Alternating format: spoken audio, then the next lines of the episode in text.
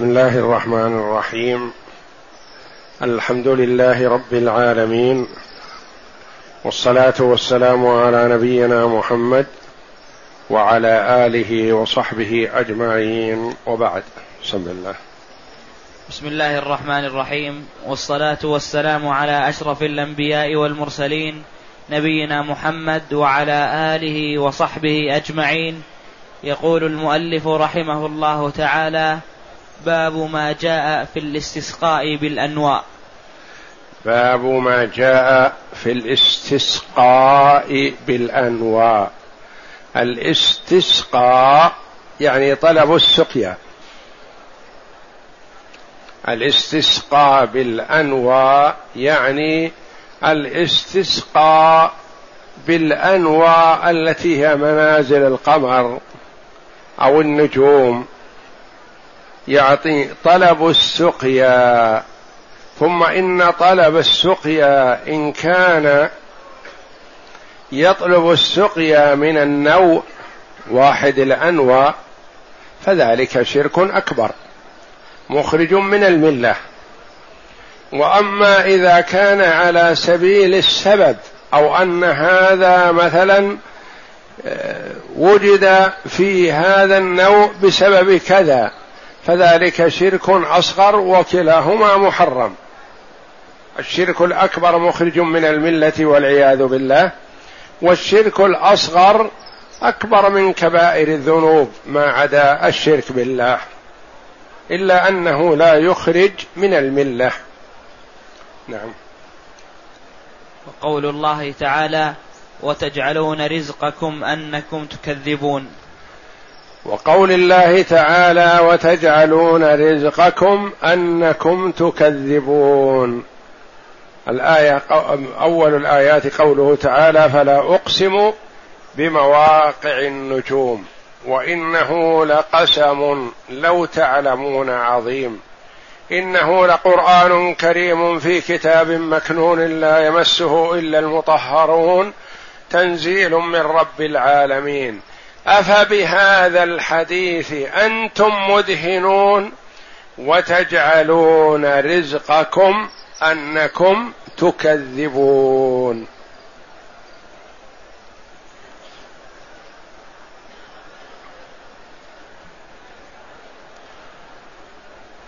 ورد تفسير هذه الآية وتجعلون رزقكم أنكم تكذبون عن علي بن أبي طالب وابن عباس وقتادة والضحاك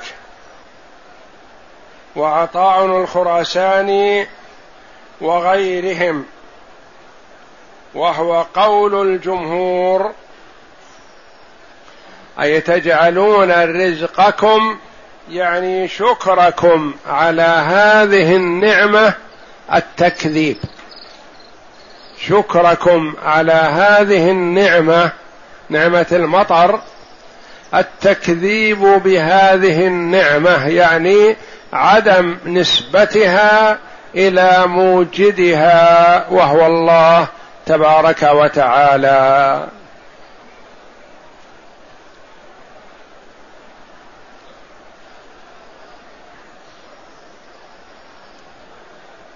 فعن علي بن أبي طالب رضي الله عنه قال قال رسول الله صلى الله عليه وسلم وتجعلون رزقكم يقول شكركم أنكم تكذبون تقولون مطرنا بنوء كذا وكذا وبنجم كذا وكذا وهذا أولى ما فسرت به الآية وهو قول جمهور المفسرين. وتجعلون رزقكم يعني شكركم على هذه النعمة نعمة المطر أنكم تكذبون يعني تنسبونها إلى غير موجدها وهو الله. وذلك منتهى التكذيب. أن ينسب نعمة الله إلى غيره فقد كذب بها.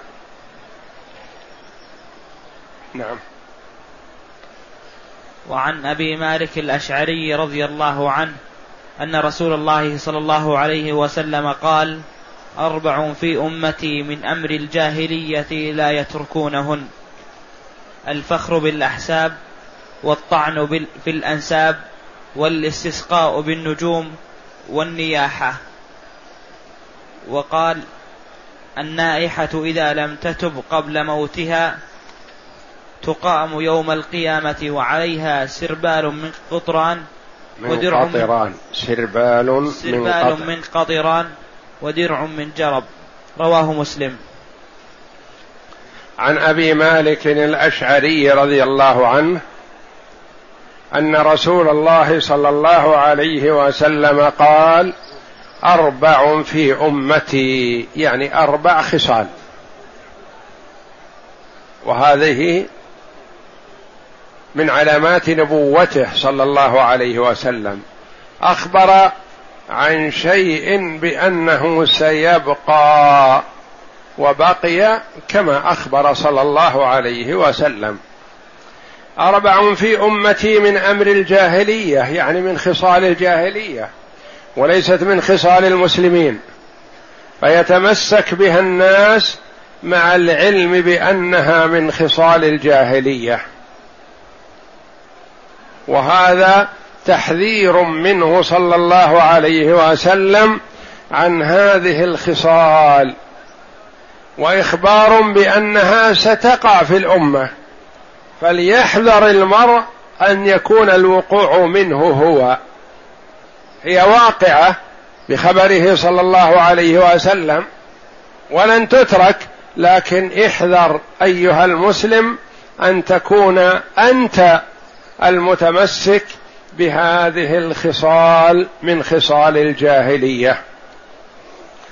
ونسبتها إلى الجاهلية يكفي في ذمها. فالنبي صلى الله عليه وسلم يذكر صفات الجاهلية للتحذير منها لأنه لا يليق بالمسلم بعد أن من الله عليه بالإيمان به وبرسوله أن يأخذ خصلة أو صفة من صفات الجاهلية بل يترفع عن هذا. لا يتركونهن الفخر بالأحساب. يعني الفخر بالآباء والأجداد. وهذا من خصال الجاهلية لأن الجاهلي هو الذي يفخر بآبائه وأجداده. أما المسلم المؤمن فهو لا يفخر بالآباء والأجداد وإنما يحاول أن يرضي الله جل وعلا هو بعمله. يعني فخره بعمله. ثم ماذا إذا كان أبوك رجل صالح وأنت سيء؟ قربك من الرجل الصالح لا ينفعك. وإنما الذي ينفعك عملك. الله جل وعلا يقول تبت يدا أبي لهب وتب. من هو أبو لهب؟ عم النبي صلى الله عليه وسلم. أخو أبيه.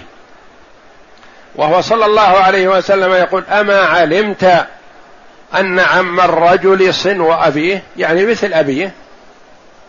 لما تكلم عنده شخص في العباس رضي الله عنه قال أما علمت أن عم الرجل صنو أبيه يعني العباس مثل أبي. وأبو لهب في القرابة من النبي صلى الله عليه وسلم مثل أبيه. لكن لما كان كافر ما نفعه قربه من النبي صلى الله عليه وسلم. فالفخر بالأحساب من صفات الجاهلية. وقد يفخر المرء الجاهلي بشخص هو فحم من فحم جهنم. ولا يليق بالمسلم أن يفخر إلا بفعله وعمله. ويتقرب إلى الله جل وعلا بما يرضي الله. والله جل وعلا يقول إن أكرمكم عند الله أتقاكم. ولأبي داود عن أبي هريرة رضي الله عنه مرفوعا إن الله قد أذهب عنكم عبية الجاهلية يعني صفات الجاهلية. وفخرها بالآباء إنما هو مؤمن تقي أو فاجر شقي. فالرجل لا يخلو من أمرين. إما أن يكون بر صالح تقي يخشى الله جل وعلا أو فاجر شقي والعياذ بالله. الناس بنو آدم وآدم خلق من تراب.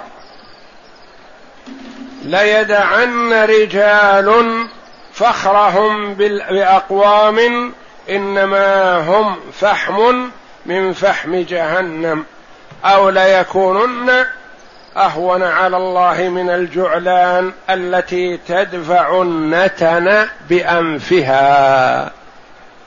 يعني إذا افتخر بمن لا فخر فيه فالله جل وعلا يحط منزلته وقدره. هذه صفة مذمومة. أن يقول المرء أنا أبوي كذا أنا جدي كذا أنا ابن كذا. اعمل صالح يقدمك عملك. ولا تفتخر بعمل غيرك.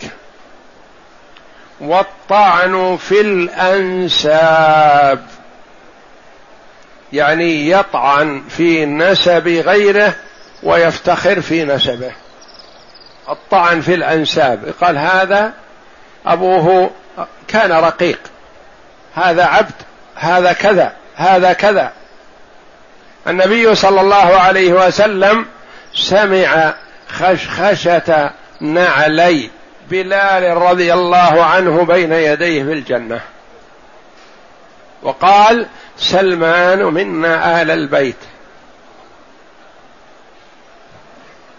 ولما أقبل عليه صهيب الرومي رضي الله عنه قال ربح البيع أبا يحيى ربح البيع أبا يحيى. نزل فيه قرآن يتلى إلى يوم القيامة في مدحه رضي الله عنه. صهيب الرومي لما أراد أن يهاجر من مكة إلى المدينة اعترض له كفار قريش. وقالوا والله لا ندعك تخرج من مكة. تفجأنا بنفسك ومالك. يعني تخرج بنفسك وتخرج بمالك. وقد جئتنا فقير. والآن غني وتخرج بأموالك. والله لا ندعك قال أرأيتكم إن تركت لكم مالي تدعونني أخرج؟ قالوا نعم وزيادة. قال هو في المكان الفلاني من البيت. تجدوه. عرفوا أنه لا يكذب. ودعوه يهاجر إلى المدينة. وذهبوا إلى بيته رضي الله عنه فوجدوا المال كما قال لهم وأخذوه. يعني افتدى نفسه ودينه بماله رضي الله عنه. فلما دخل على النبي صلى الله عليه وسلم في المسجد وأقبل ليسلم عليه أول ما قدم المدينة رضي الله عنه ناداه النبي صلى الله عليه وسلم قال ربح البيع أبا يحيى. القرآن سبق إلى النبي صلى الله عليه وسلم ببيان ما حصل من صهيب رضي الله عنه مع كفار قريش. ربح البيع أبا يحيى كان صهيب رضي الله عنه يكنى بأبي يحيى. ربح البيع أبا يحيى. نزل قوله جل وعلا ومن الناس من يشري نفسه ابتغاء مرضات الله والله رؤوف بالعباد.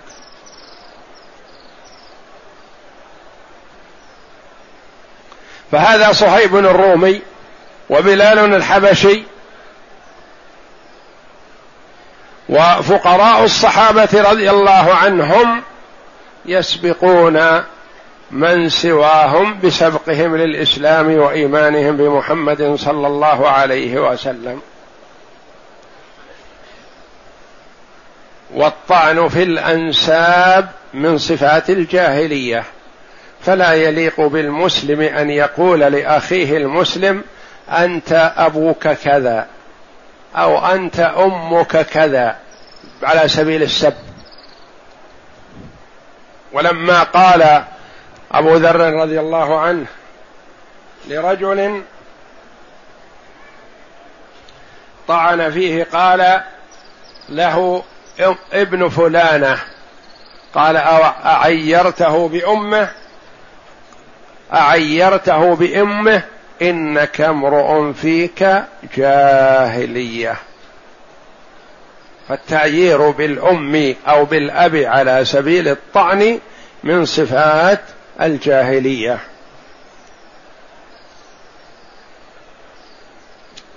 يقوله عليه الصلاة والسلام لأبي ذر رضي الله عنه.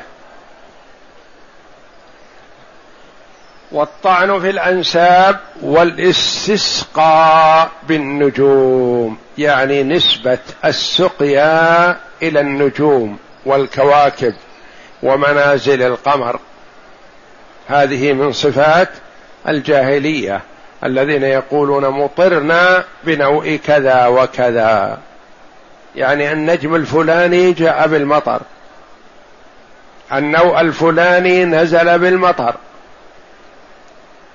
الذي جاء بالمطر هو الله جل وعلا فهو الخالق والموجد وحده لا شريك له. والاستسقاء بالنجوم من صفات الجاهلية وهذا هو الشاهد من الحديث للترجمة. والنياحة من صفات الجاهلية. النياحة الصياح مع رفع الصوت وتعديد محاسن الميت على سبيل الجزع والتأثر. وقد يصحبه شق الجيوب ونتف الشعر ولطم الخدود. فالنياحة على الميت من صفات الجاهلية. أما البكاء بدون نياحة فلا بأس به. فالنبي صلى الله عليه وسلم ذرفت عيناه. و والله جل وعلا كما قال عليه الصلاة والسلام إنما يعذب بهذا أو يرحم. فإذا تكلم وأشار إلى لسانه عليه الصلاة والسلام. فإذا تكلم المسلم عند المصيبة بكلام حسن أجره الله ورحمه وأحسن عزاءه. وإذا تكلم بكلام سيء سخط الله عليه ولم يعوضه خيرا وصبر كما تصبر وسلى كما تسلو البهائم والعياذ بالله ويحرم من الأجر. فإذا قال المسلم عند المصيبة إنا لله وإنا إليه راجعون اللهم أجرني في مصيبتي واخلف لي خيرا منها. آجره الله جل وعلا وخلف له خيرا وعوضه في الدنيا خيرا وفي الآخرة الثواب العظيم. وإذا بدا يتسخط على قضاء الله وقدره يقول وانقطاع ظهراه ومصيبتاه وحزناه وكذا وكذا يندب وينادي. فالله جل وعلا يسخط عليه ويعاقبه في الدنيا وفي الآخرة.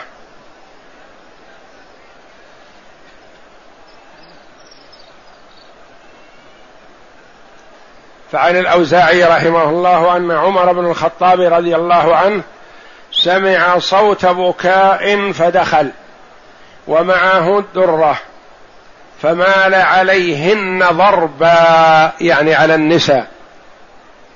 حتى بلغ النائحة فضربها حتى سقط خمارها.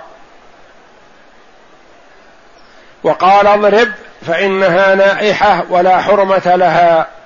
إنها لا تبكي بشجوكم. إنها تهريق دموعها لأخذ دراهمكم. وإنها تؤذي موتاكم في قبوركم في قبورهم وأحياكم في دورهم. لأنها تنهى عن الصبر وقد أمر الله به. وتأمر بالجزع وقد نهى الله عنه. وكان أهل الجاهلية بعضهم يوصي بذلك كما قال الشاعر إذا مت إذا مت فانعيني بما أنا أهله وشقي علي الجيب يا ابنة معبدي كان من خصال الجاهلية والجاهلية كان الأب إذا دنا أجله يوصي أهله ومن حوله بأن ينعوه ويصيحوا عليه ويندبوه وينيحوا عليه. وقال أي قال النبي صلى الله عليه وسلم النائحة إذا لم تتب. إذا لم تتب. أما إذا تابت في حال حياتها فإن الله جل وعلا يتوب عليها. لكن إذا ماتت وهي لم تتب من هذه الخصلة والنائحات مستأجرات. يعني يحسن البكاء والندب ويحرضن أهل البيت على زيادة البكاء والعياذ بالله. والنائحة إذا لم تتب قبل موتها. تقام يوم القيامة وعليها سربال من قطران ودرع من جرب. تقام يوم القيامة وعليها سربال من قطران. سربال الثوب الذي تلبسه المرأة. فيه قطران. القطران شديد الاشتعال. النار. من أنواع التي يوقد بها الوقود. ودرع من جرب يكون عليها ثوب يعني على جسمها ثوب جرب ليكون أحر اشتعال النار فيه. لأن النار إذا اشتعلت في الحكة والجرب والعياذ بالله صارت حرارتها أشد. تؤذي أهل النار بنعيمها وصياحها والعياذ بالله. وإذا تابت قبل موتها فالله جل وعلا جواد كريم يتوب على من تاب. كما قال تعالى والذين لا يدعون مع الله إلها آخر ولا يقتلون النفس التي حرم الله إلا بالحق ولا يزنون.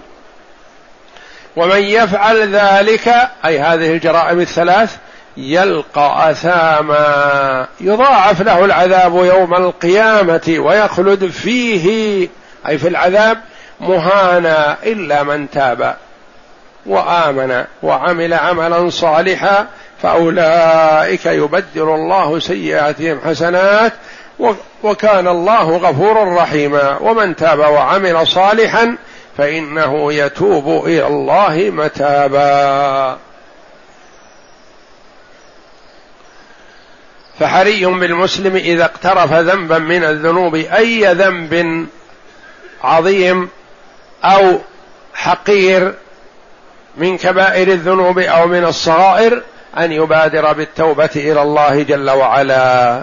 فأكبر الذنوب وأعظمها والشرك بالله وإذا تاب العبد منه في الدنيا تاب الله جل وعلا عليه. نعم. ولهما عن زيد بن خالد رضي الله عنه قال صلى لنا رسول الله صلى الله عليه وسلم صلاة الصبح بالحديبية على إثر سماء كانت من الليل. فلما انصرف أقبل على الناس فقال هل تدرون ماذا قال ربكم؟ قالوا الله ورسوله أعلم.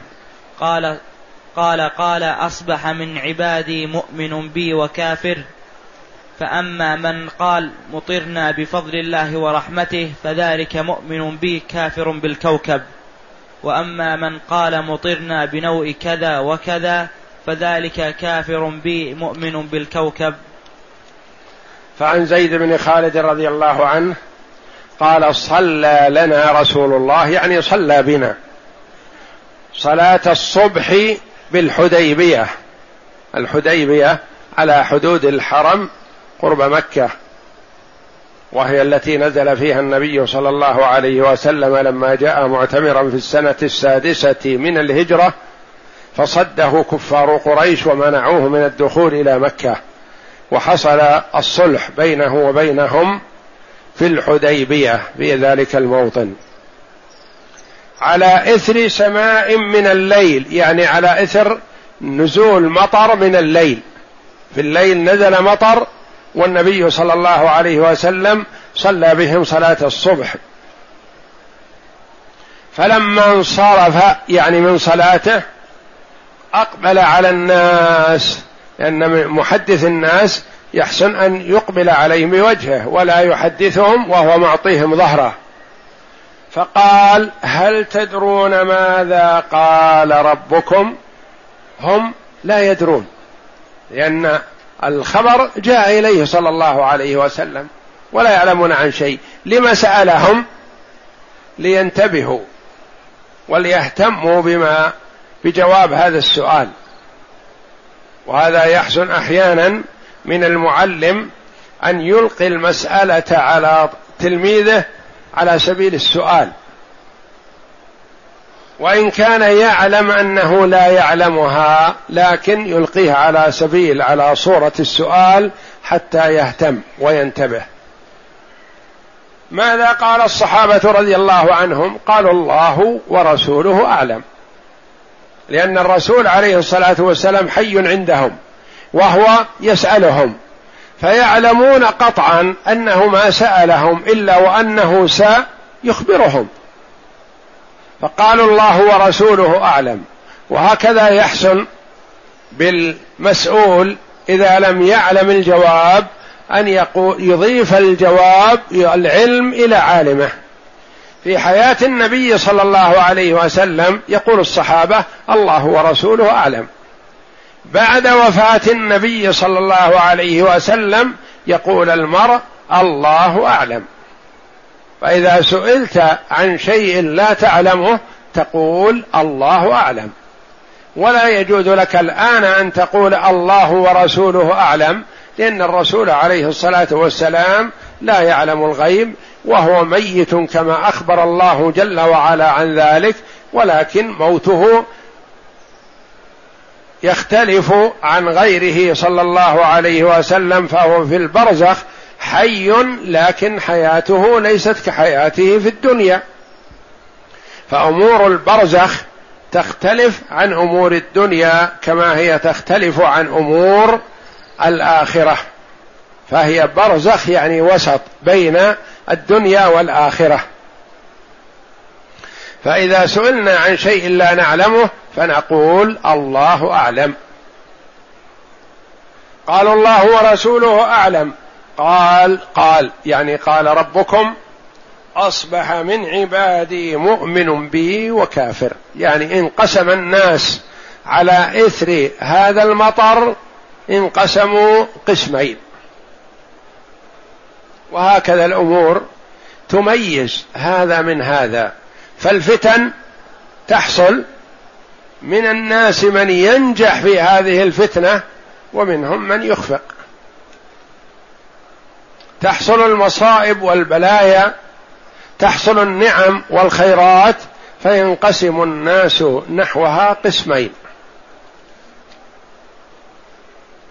قسم ينجح في هذا الامتحان فينال الدرجات العلى وقسم يخفق في هذا الامتحان فيخسر الدنيا والآخرة. مثلا يعطى هذا مال عظيم. ويعطى الآخر مال عظيم. ما يقال إن هذا المال نعمة ولا يقال إن هذا المال نقمة. وإنما يقال هذا المال فتنة أو ابتلاء أو امتحان. الأول استعان بهذا المال على طاعة الله جل وعلا. وصل منه الرحم. وأحسن إلى الفقراء والمساكين وبر واجتهد فيه وانتفع به نفعا عظيما فنال به الدرجات العلى في الجنة. والآخر والعياذ بالله استعان به على معصية الله ولم يبذل منه شيئا في طاعة الله. فخسر الدنيا والآخرة والعياذ بالله والمال هو هو.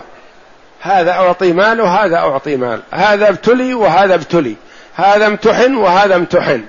لكن هذا نجح في الامتحان وهذا أخفق في الامتحان والعياذ بالله.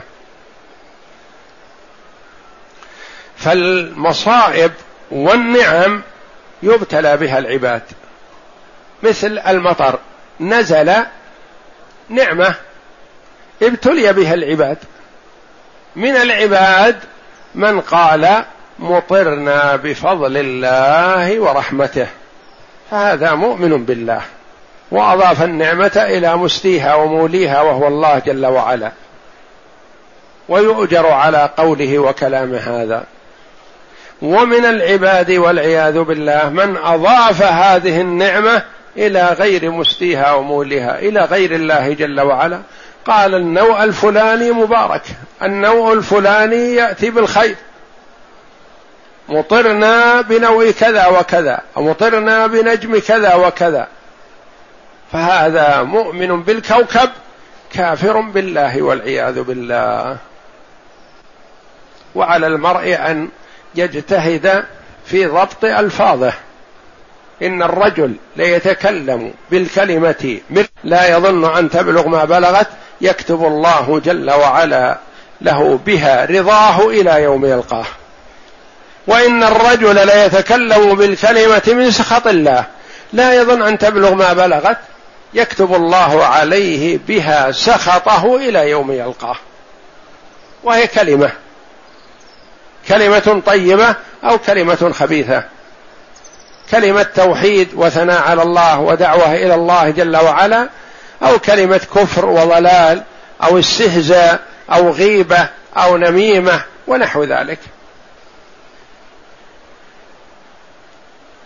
فأما من قال مطرنا بفضل الله ورحمته فذلك مؤمن بي كافر بالكوكب.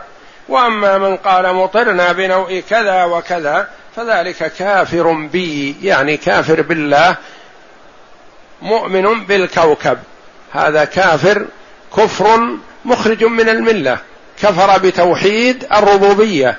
أضاف نعمة الله جل وعلا إلى غيره. نعم. ولهما من حديث ابن عباس معناه وفيه قال بعضهم لقد صدق نوء كذا وكذا فأنزل الله هذه الآية فلا أقسم بمواقع النجوم إلى قوله تكذبون.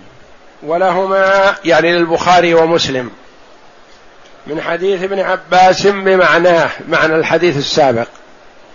وفيه قال بعضهم لقد صدق نوء كذا وكذا. يعني قال بعض الناس نوع كذا وكذا يأتي بالخير. نوع كذا وكذا صادق. ونوع كذا وكذا يأتي بالقحط والفقر. ونوع كذا وكذا كاذب. فأنزل الله هذه الآية فلا أقسم بمواقع النجوم إلى قوله تكذبون. حديث ابن عباس هذا يبين سبب نزول هذه الآية. فلا أقسم بمواقع النجوم. وإنه لقسم لو تعلمون عظيم. إنه لقرآن كريم في كتاب مكنون لا يمسه إلا المطهرون تنزيل من رب العالمين. أفبهذا الحديث أنتم مدهنون وتجعلون رزقكم أنكم تكذبون. إلى هذا.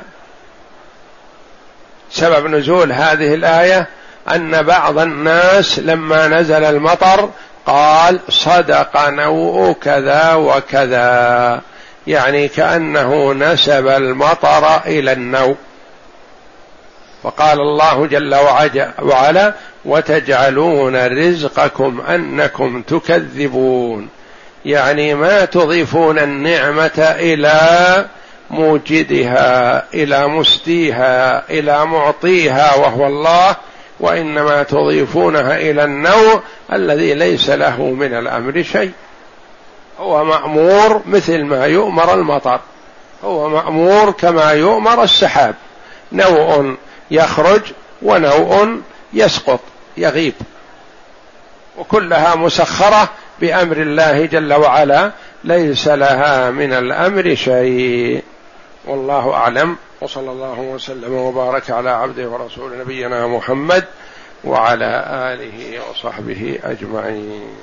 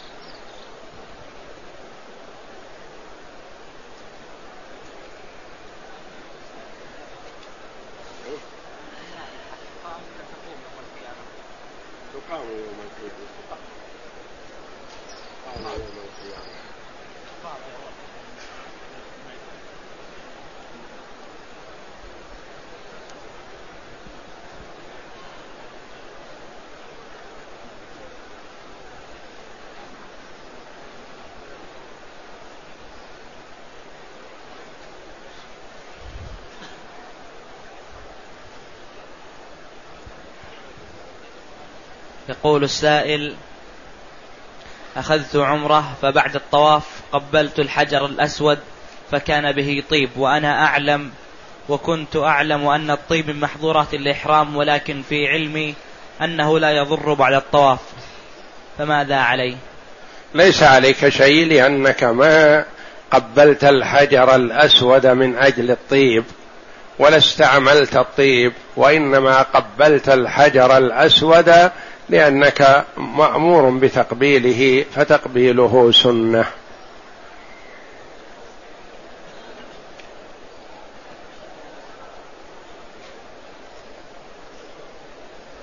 يقول السائل هل من الأفضل الوضوء مرة مرة إذا أقيمت الصلاة؟ لا يا أخي الأفضل إكمال الوضوء حتى لو كانت الصلاة تقام.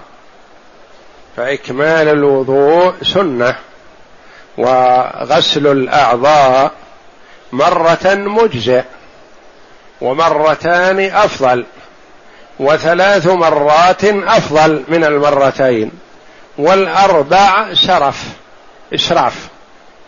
والمسلم منهي عن الإسراف في كل شيء حتى لو كان يتوضأ على نهر جار فلا يسرف.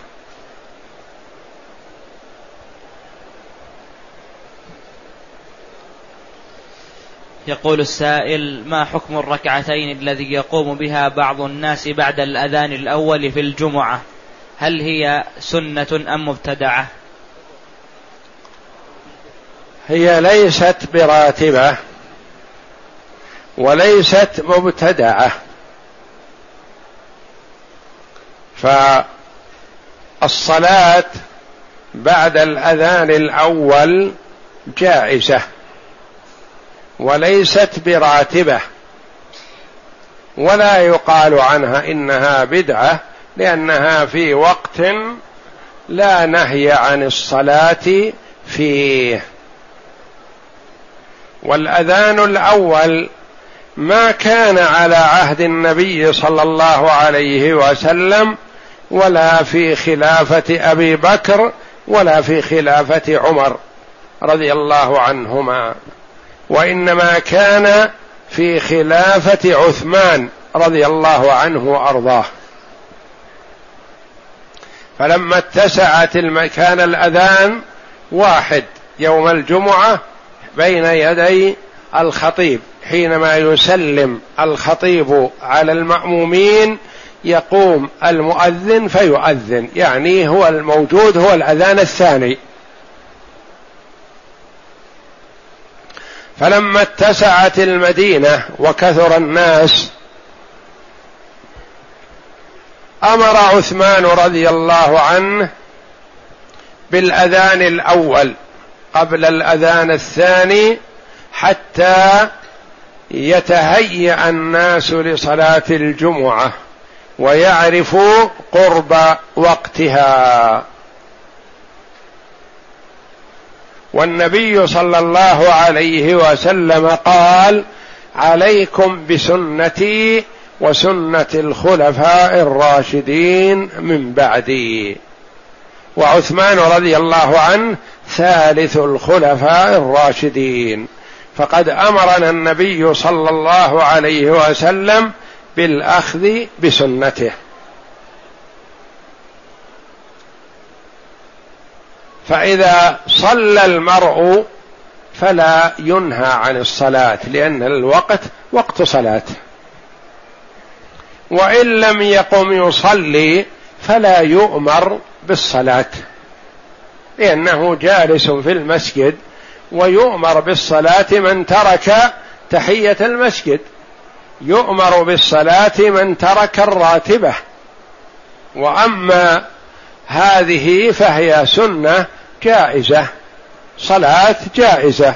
لا يقال عنها إنها راتبة ولا يقال عنها إنها بدعة. فهي جائزة. مثل ما تقوم في أي ساعة من ساعات غير أوقات النهي تصلي. فمثلا صليت العشاء وجلست ثم صليت الراتبة. وجلست تقرا القرآن. ثم بدا لك أن تطبق المصحف وتقوم تصلي ركعتين. نقول حسنا لا ننهاك عن هذه ولا نأمرك بها.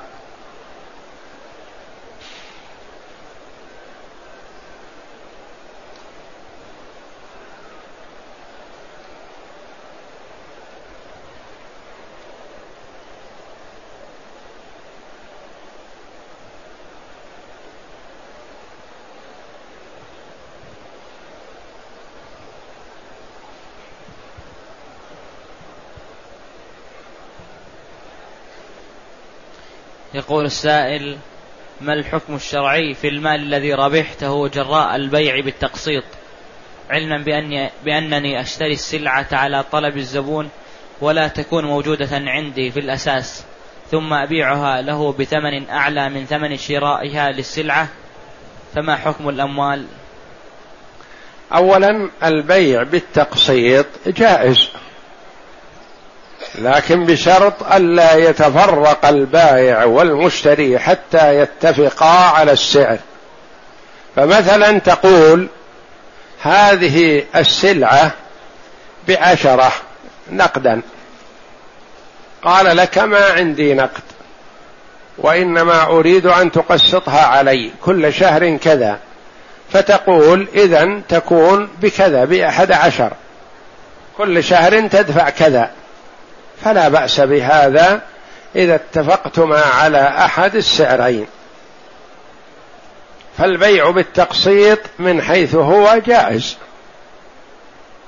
والبيع بالدين يعني غير حاضر جائز لأن الله جل وعلا يقول يا أيها الذين آمنوا إذا تداينتم بدين إلى أجل مسمى فاكتبوه. فالدين هو الذي يكون الثمن غير حاضر. ولهذا يحتاج إلى كتابته. أما البيع بالنقد خذ وعط ولا يحتاج إلى كتابة. فالبيع بالتقسيط جائز.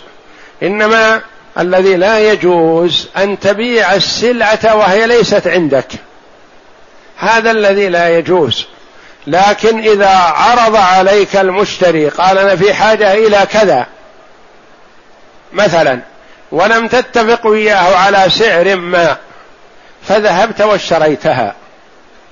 ثم بعتها عليه نقدا أو بالتقسيط بحسب ما تتفقون عليه.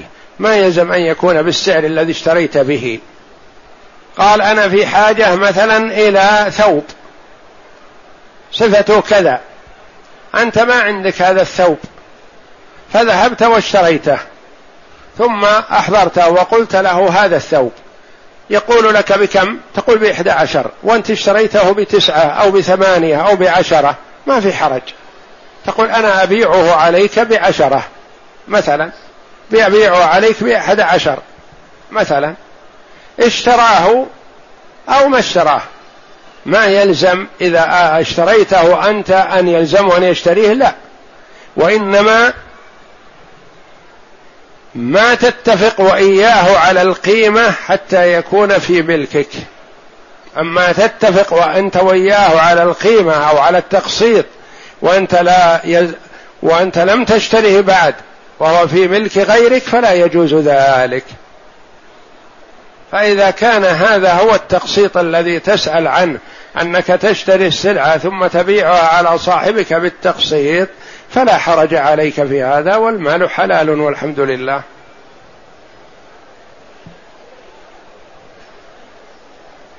يقول السائل هل لطواف الوداع دعاء خاص؟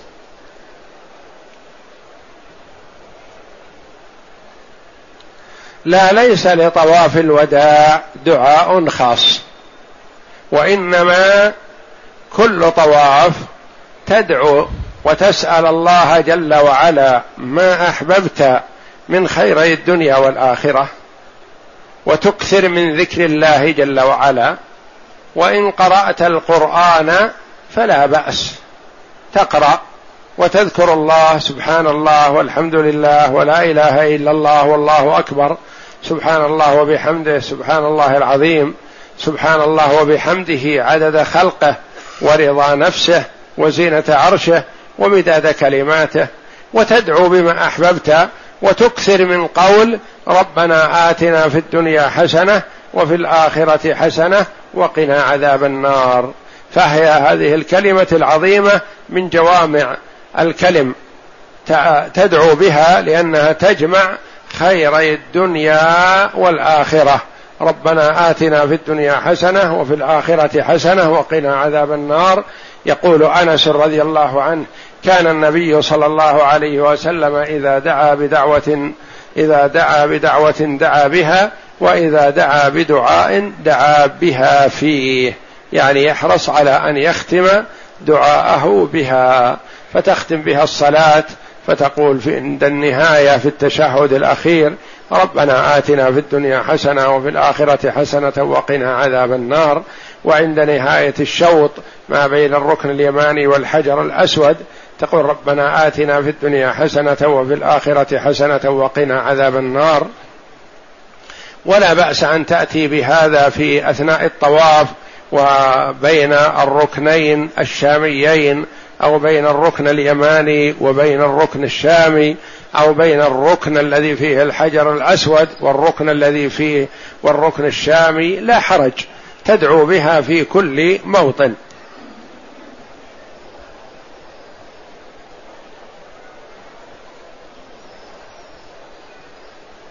يقول السائل إذا كان المصلي ساجدا وأنفه لم تلمس الأرض فما حكم صلاته؟ يجب على المصلي أن يسجد على الأنف والجبهة لقوله صلى الله عليه وسلم أمرت أن أسجد على سبعة أعظم اليدين والركبتين وأطراف القدمين والجبهة والأنف بمثابة عظم واحد ركن واحد.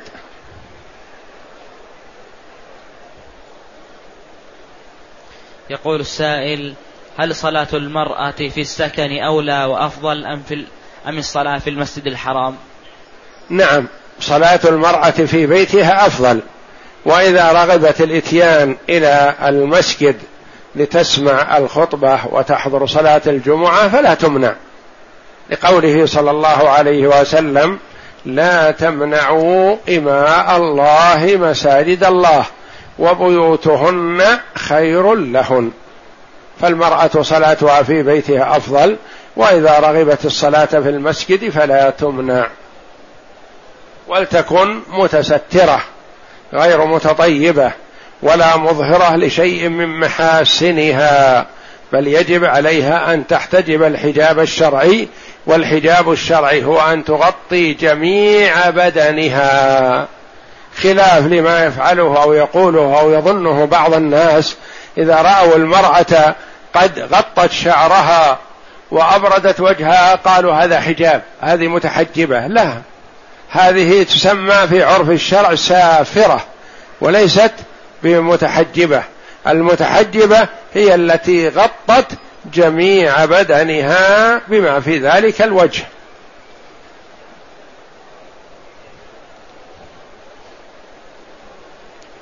يقول السائل هل الأفضل الاستماع للخطبة أو الطواف والخطيب يخطب؟ بل الواجب الاستماع للخطبة ولا يجوز للمرء الحاضر لسماع الخطبة أن يشتغل بأي شيء. لا يشتغل بقراءة القرآن ولا يشتغل بالطواف ولا بغيرها.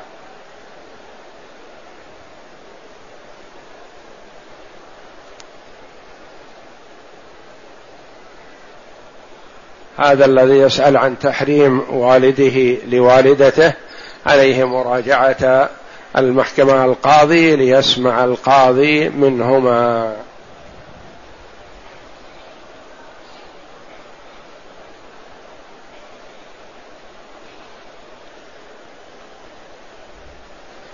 يقول السائل هل مكة كلها حرم أم أن الصلاة في أي مكان أي أن الصلاة في أي مكان منها يساوي مئة ألف صلاة كالمسجد الحرام؟ مكة يعني حدود الحرم كلها فضيلة وتضاعف فيها الصلاة إن شاء الله كما قرر ذلك كثير من العلماء استنادا إلى أن النبي صلى الله عليه وسلم لما دخل مكة صبيحة اليوم الرابع من ذي الحجة في حجة الوداع طاف عليه الصلاة والسلام وسعى ثم خرج إلى الأبطح فنزل هناك وصار يصلي بأصحابه الصلوات الخمس بالأبطح. فلو كانت الصلاة بالأبطح بواحدة والصلاة في هذا المسجد بمائة ألف صلاة ما كان النبي صلى الله عليه وسلم يحرم أصحابه ذلك. فمكة كلها حرم لكن لا يقال إن الصلاة في أي بقعة من بقاع مكة مثل الصلاة في هذا المكان لا. لا شك أن الصلاة في هذا المكان أفضل لقرب من الكعبة ولكثرة المصلين ولقدم المكان في العبادة ولغير ذلك من المزايا.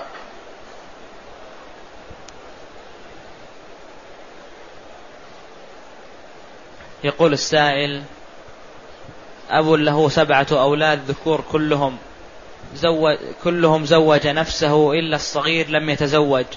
فهل لو زوجه الأب من ماله يكون غير عادل؟ هذا لا يخلو. إن كان الأب قادر على تزويج الأولاد السبعة وهم غير قادرين فلم يزوجهم وزوج الصغير فهذا فيه شيء من عدم العدل فيه شيء من الجور. وأما إذا كان الأب حال رغبة السبعه في الزواج الأولين ما كان قادر فما يلزم بتزويجهم وهو غير قادر ولا يلزم بالاستدانة لهم. ثم لما حان تزويج الصغير وإذا هو قادر مثلا أغناه الله فزوجه فلا يعتبر هذا جور ولا ظلم. لأن التزويج مثل النفقة. إذا كان المرء قادر الأب قادر على الإنفاق على ابنه والابن غير قادر على الإنفاق على نفسه فيؤمر الأب بالإنفاق على ابنه. وإذا كان الأب غير قادر على الإنفاق على ابنه فلا يلزمه. قادر على تزويجه ولم يزوجه فيؤمر بهذا ويلزم تزويجه لأنه مثل النفقة. وإذا كان غير قادر فلا يؤمر ولا يلزم.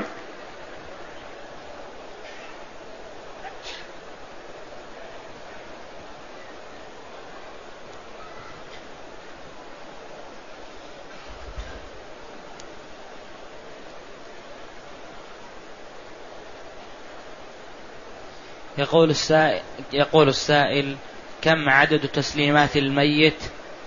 أم هي واحدة أم ثنتين؟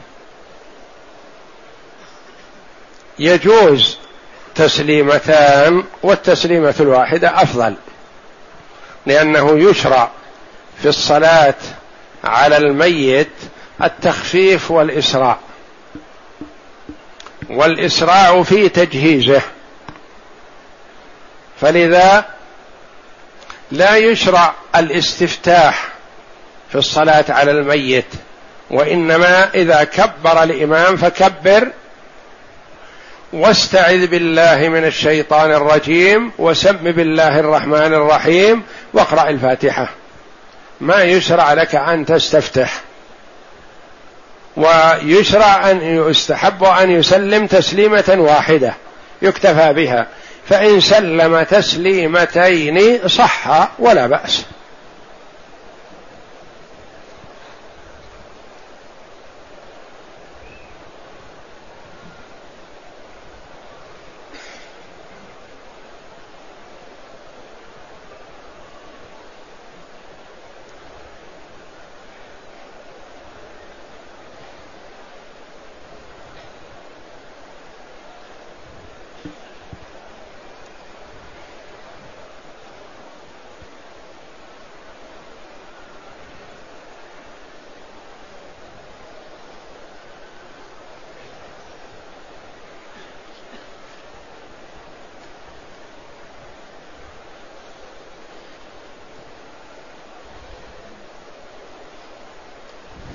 يقول السائل ما حكم الطواف داخل حجر إسماعيل؟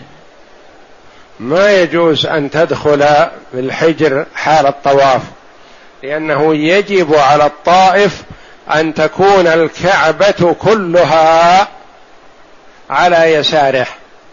فإذا دخل مع الحجر كان جزء من الكعبة على يمينه وجزء منها على يساره. لأن مقدمة الحجر من الكعبة. فما يجوز أن يدخل الطائف مع الحجر وإنما يجعل الكعبة والحجر كلها على يساره ليكون طائفا بالبيت كله. يقول استلف مني رجل مبلغ من المال ثم رده إلي. فشككت أنه فيه زيادة فسالته فقال لا لا زيادة فيه. فما حكم استلامي له وأنا أتوقع أنه فيه زيادة مائتي ريال. لا حرج عليك ما دام أنه يقول لك لا زيادة وأنت تقول إنك لم تسجل المبلغ بأفراده فيجوز أنك نسيت بعضه وهو يقول هذا حقك وأعطاك إياه بطيب خاطر منه فلا حرج عليك في قبضه.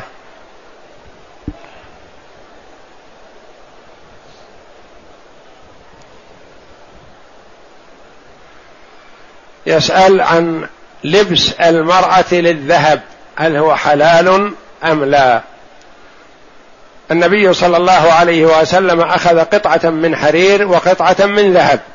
فقال هذان حل لإناث أمتي حرام على ذكورها أو كما قال صلى الله عليه وسلم. فالمرأة في حاجة إلى الذهب تتحلى به تتجمل به لزوجها فلا حرج عليها في استعمال الشيء المعتاد. وإنما يكره الإسراف فلا تسرف في الاستعمال.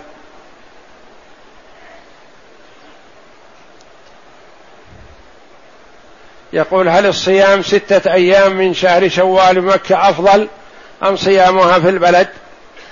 الأعمال الصالحة تؤدى في مكة أفضل منها في غيرها لكن إذا كان عليك مشقة في الصيام في مكة لأنك مسافر فتصومها في البلد وإذا لم يكن عليك مشقة فالمبادرة بتأدية الأعمال الصالحة أفضل.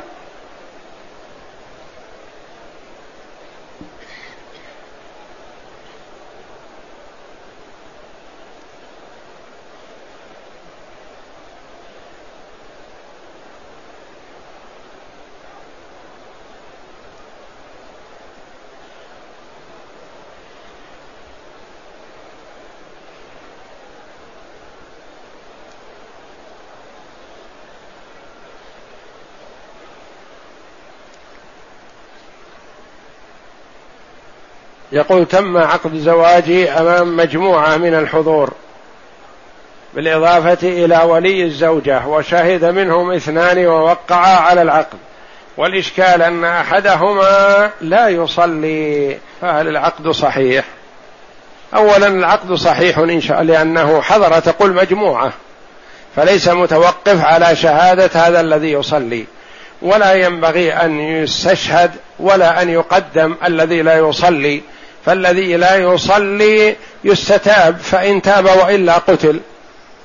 والأصل الشرعي أنه لا يبقى بين المسلمين شخص يقال لا يصلي. إما مسلم يصلي وإما مرتد والعياذ بالله يستتاب فإن تاب وإلا قتل.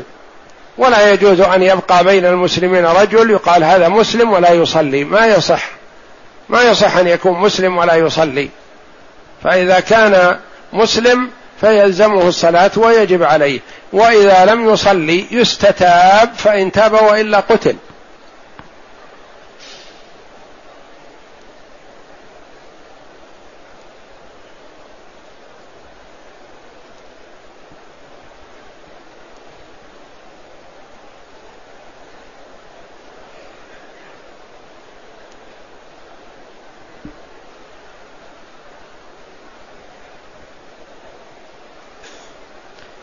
يقول السائل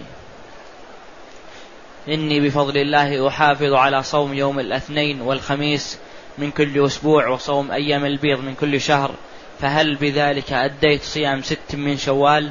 أم أصوم ستة أيام وأخصها بالنية بصيام ست من شوال؟ نعم يكفيك هذا إذا نويته لأن المقصود بصيام ستة أيام من شوال يعني أن تصوم ستة أيام منه وإذا كنت تصوم الاثنين والخميس وتصوم أيام البيض فقد صمت الستة الأيام من شوال وزيادة والحمد لله.